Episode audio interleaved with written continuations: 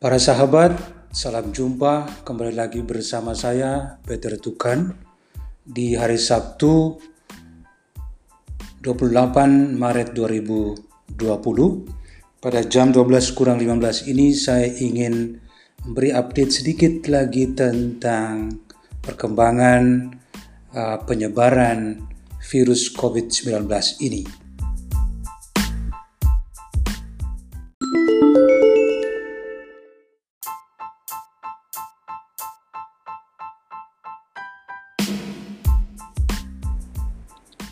Seorang pasien coronavirus 2019 yang pertama kali masuk Wisma Atlet di Jakarta Utara menuturkan pengalamannya sebagai berikut. Saya M, usia 33 tahun, saat ini sedang diisolasi di Wisma Atlet bersama suami saya V, 35 tahun. Status suami adalah PDP.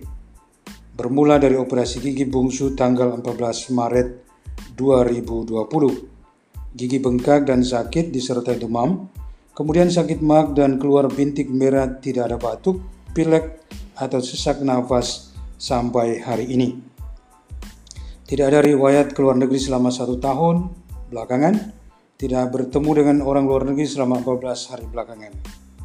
Namun, karena demam tidak turun lalu atas rujukan rumah sakit, kami harus isolasi. Sebenarnya saya ingin pulang ke rumah karena saya dinyatakan negatif, tetapi khawatir karena di rumah uh, hunian padat dan bisa berakibat yang berbeda.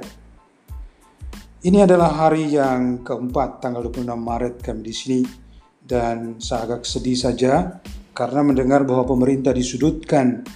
Padahal pemerintah dan semua staf, dokter, dan suster bekerja sangat baik dan saya bingung kenapa pemerintah yang disudutkan. Semua di Wisma Atlet ini adalah free. Makanannya disiapkan dengan sangat baik dan enak. Yang penting kita bisa tahu bahwa satu kotak makanan seperti kalau ikut seminar itu sudah sangat memuaskan. Saya sedih sekali mendengar pemberitaan yang sedikit-sedikit menyudutkan pemerintah, menjelek-jelekan mereka. Dari pengalaman ini, saya melihat bahwa pemerintah sudah sangat maksimal. Ada berita yang mengatakan pemerintah tidak siap menghadapi COVID-19. Ya, ini keterlaluan. Siapa juga yang siap? Kita negara dengan penduduk terbanyak nomor 4 dunia. Dan kalau penanganannya begini, kita harus bersyukur pemerintah kita sangat care dengan keadaan kita. Intinya masyarakat Indonesia yang saya sayangi, stop menjelek-jelekan pemerintah kasih bantuan yang berarti. Pemerintah sudah maksimal. Kalau kitanya cuek gimana? Kalau yang bisa menyumbang, tolong sumbang. Jangan numpuk masker, gloves, sama hand sanitizer di rumah. Kalau yang tidak bisa nyumbang apa-apa, tolong diam-diam di rumah. Jangan ke mana-mana, COVID ini nyata dan benar-benar bisa kena kamu kapan saja. Ini untuk kita bersama.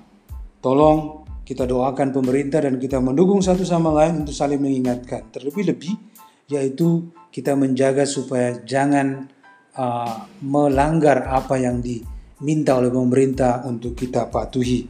Terlebih-lebih adalah stamina tubuh kita, daya tahan kita terjaga dan menjaga social distancing yang sudah pelan-pelan dihayati dan dimengerti oleh semua orang di sekitar kita.